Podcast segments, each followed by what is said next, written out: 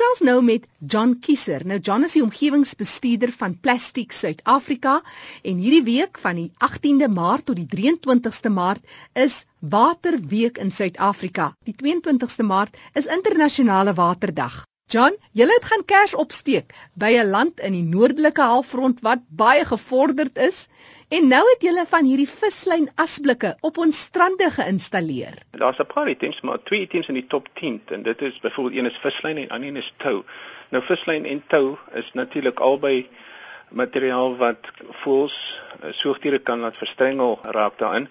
So ons is bekommerd oor die feit dat daar so baie visse in buite is. Ek het gesê dis een van ons top 10 uh, items. Ons het laas jaar, jy weet, ek dink 3000 stukke opgetel net op een dag. So daar's 'n klomp vislyn daar buite. En uh, 'n jare gelede, dis 'n dis 'n Amerikaanse projek, het die daai eiland bewaringstrust het hulle begin met hierdie vislynpype of asblikke in die Oeverberggebied uit te sit hulle toe begin kyk na hoe kan jy dit bestuur die beste. Nou die natuurlike 'n ding wat inkom is elke pyp, elke asblik moet so goed as moontlik bestuur word. Jy weet as hy as hy vol is, hy moet onmiddellik leeggemaak word, hy moet binne 'n week leeggemaak word. En ons het nou dit vat dit nou die volgende stapie verder nadat ons nou al die lesse geleer het. Ons vat dit nou na die res van die kus toe, ehm um, beginnende met die blou vlag uh, strande en daarna gaan ons dit na die res van die kus toe vat. En ek sien dit begin al klaar by die binnelandse damme en riviere ook nou uit te pop. Uh van die visseryklubs ehm um, wil graag dit hê sodat die vislyn wat hulle daarso het ook versamel kan word. Nou aan die einde van die dag wat ons met die vislyn gemaak is om te kyk hoe dit gehersirkuleer kan word, wat ons daaruit kan maak. En vislyn is ook maar net 'n tipe plastiek mos. O oh, ja nee, dis dis dis 'n dis 'n nare plastiek. as jy as jy, as jy byvoorbeeld gaan na Kaapstad hawe toe, kyk net na die robbe. Kyk kyk nou watter 'n tou uh, sny nie so kwaai in hulle in soos soos ehm um, in die Engelse woord monofilament line nie. Uh soos nylon lyn nie. uh, Lyn sny verskriklik in hulle vel in. Dis 'n groot probleem daar buite. Die mense sien baie van die seevoëls daar, byvoorbeeld op die Kaapse waterkant waar die voeltjies net so op een been hop hop. Ja? Is dit die gevolg daarvan? Hy uh, dis wanneer hom deurgesny het of wanneer iets hom gehap het onder water, jy weet wanneer hulle swem. So dit, dit kan dit kan 'n verskeie redes wees.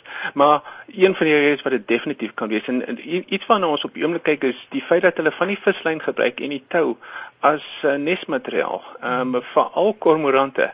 Ehm um, so dis een van die groot redes hoekom ons hierdie materiaal ook uit die uit die omgewing uit wil haal dat hulle dit nie kan gebruik as nesmateriaal nie en dat die kleintjies, die kuikens daan verstrengel raak in die neste nie.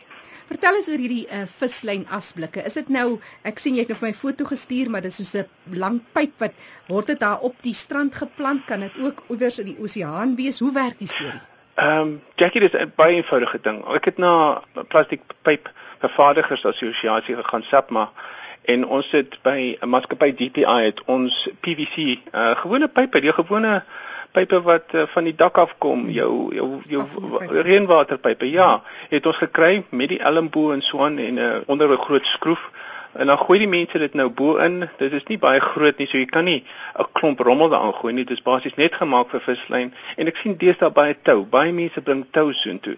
Ehm um, en dan al wat ons doen is ons draai net die onderkant om en al die vislyn uit. Dit is 'n baie eenvoudige konsep. Soos ek sê, dit het dit in Amerika begin. Dit het baie klein begin. Maar nou in Amerika is dit is dit oor al die groot riviere, oor die groot mere oral kry jy van hierdie asblik en dit werk uh, dit werk baie goed in Amerika en dit werk ongelooflik goed in hierdie land. Ek het nou al by 'n ehm um, langs die see gesit en toe kom 'n klein seentjie aangestap met 'n met 'n groot hoop uh, vislyn en tou en hy vra toe Ehm um, hy sy oupa het gesê hy moet dit iewers ter in 'n in 'n in 'n een van die pype kom gooi. En uh, die feit is dat dit dit so ook mense leer dat hulle die goed met iewers moet gaan gooi vir hersirkulering of dit dit uh, geskei moet word of dit dit 'n probleem is. So dit dit dit laat mense leer die probleem omtrent vislyn. Hoe maklik is dit dan om hierdie vislyn soort van uit te haal? Weet as dit ook vandalisme wat maar altyd hulle deel wil bydra? Ag ja nee nee, dan as jy wie se nooit wegkom daarvan nie.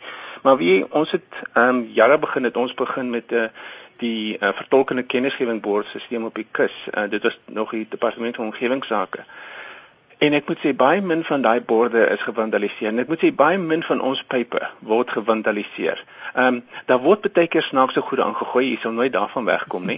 Uh veral as dit naby 'n plek is waar daar drank gebruik is of so iets, maar ehm um, jy weet ons ons ons is nie naïef nie. Uh ons weet daar gaan probleme wees en wat ons doen is ons ons probeer die hele tyd kyk na van die uh pype. Watter van hulle is suksesvol in 'n gebied en watter word baie goed gebruik en wat wat nie gebruik nie. As hy nie goed gebruik word nie, dan vat ons hom weg daarso, want ons wil ook nie hê dit met 'n probleem in 'n in 'n 'n onaansienlike ding word in 'n gebied nie. Dis John Kieser wat gesels. Hy is omgewingsbestuurder van Plastiek Suid-Afrika. Hierdie week van die 18de tot die 23ste Maart is Waterweek en ons fokus op die skoonmaak aksies wat hulle van stapel stuur by Plastiek Suid-Afrika.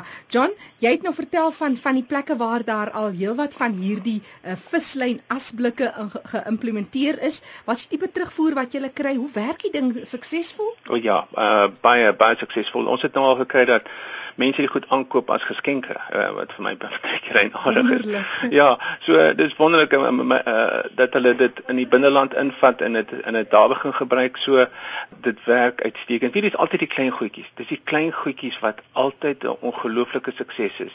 Dis nie baie keer die groot goed nie. Dis die klein eenvoudige dingetjies wat almal weet dit is 'n probleem op die kus. Vislyn is op is 'n probleem en dis een manier om dit te adresseer.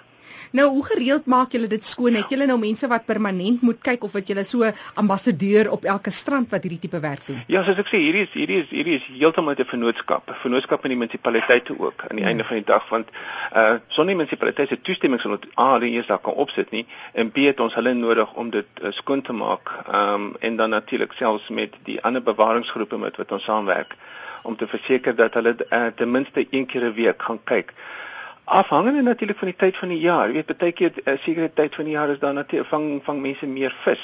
So daar's daar's 'n groter toevloei van vislyn na 'n sekere gebied toe. Ons het definitief 'n goeie ons sê stelsel om hierdie pype skoon te hou.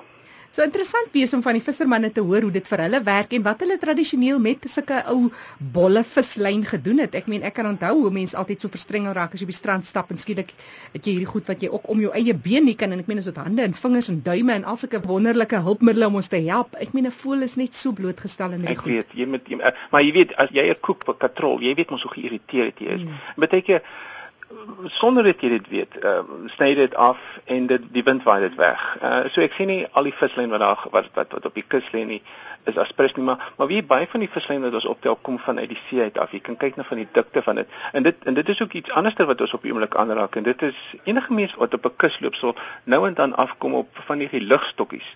Dis ook van plastiek gemaak. Ehm um, ons het ook nou begin om uh, met die 13 uh, eh, regshouers wat kommersieel uh, swart en tuna vis vang. Hulle gebruik ligstokkies om die vis te nader te bring ja. om dit terug te bring vir hersirkulering. So ons kyk na al hierdie plastieke uh, wat nie so as sulks deur rommelstrooi daar uitgekom het nie, maar deur die vissers in industrie en die vissers selfs in die see gekom het. Elke vissersboot, 'n tuna boot wat uitgaan, soos ek sê daar's 13 regshouers in Suid-Afrika. Hulle lê tot hulle lê 'n langlyn uit van omtrent 2000 hoeke aand. En vir elke hoek is daar 'n daar 'n ligstok. Wanneer daai lyn die volgende oggend teruggetrek word en dan kan van daai visstokkies in die see beland. En dit is hoekom ons meer en meer daarvan ook langs die kus vang. In Australië is dit vir alle probleem langs hulle kus. Daar daar daar vind jy baie van hierdie ligstokkies. Dit gaan saam en saam met hierdie vislyn uh, projek van ons dat ons kyk dat ons waar die elemente is dat ons hulle help om die kennis daar te maak dat hulle dit nie moet doen nie. A en dan B dat ons dit moet terugkry. En kyk kyk wat ons daarmee kan maak. Nie dat dit na 'n uh, na 'n rommelloop te gaan nie. En die beste daarvan is dis ook 'n bewusmaking wat gekweek word. Onmiddellik is hy ou meer bewus wat hy met so 'n stokkie doen. O oh ja, die, die bewusmaking is is baie belangrik. Die feit dat die vissermanne nou weet ons kry meer en meer af langs die kus. Soos ek gesê die Australiërs is 'n verskriklike fokus daarop. Hulle het groepe wat die verskillende visstokkies klassifiseer volgens wie en wat dit gebruik het. En dit is ongelooflik om na hulle werk te kyk. Ons is nêrens naby dit nie want ons het nie die hoeveelheid visstok uh, van die ligstokkies wat ons kry nie. Maar vislyn is een ding waarna ons begin kyk. Ons kyk na die verskillende soorte vislyn wat gebruik word of dit kommersiële visser uh, vissermanne is of of meer van jou nie kommersiële vissermanne is nie. John vir mense wat meer wil weet oor hierdie projek, dalk in hulle omgewing by hulle dam, hulle rivier, waar hulle ook al is, so 'n tipe vislyn asblikkie wil oprig, waar kan hulle kontak maak? Met wie kan hulle praat? E-pos my, ek is die maklikste om om om per e-pos te kyk. Ek is jammer want uh ehm um, my telefoon ehm um, ek reis verskriklik baie rond. So maar my met e-pos te kry is die beste manier ja. of jy kan na ons webwerf toe gaan. My e-pos is John punt, uh, punt, punt jammer. Ja, en dan kiezer, soos wanneer jy gaan kies, kiezer K I E S E R at by at plastics, so dis uh, meervoud vir plastiek in Engels nie? Ja, in Engels en dan SA, so dis is 'n dubbel S daarso plastics SA .co.za. En dis John Kieser wat so passievol gesels oor die werk wat hulle doen by uh, Plastic Suid-Afrika.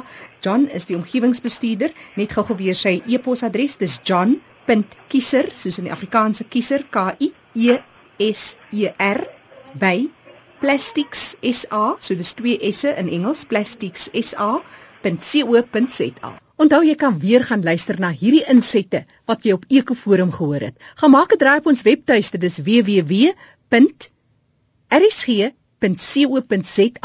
Klik op potgooi en dan op luister weer. Ek is Jackie January wat groet tot 'n volgende keer. Bly ingeskakel op 100 tot 104 FM. RSG. Dis die een.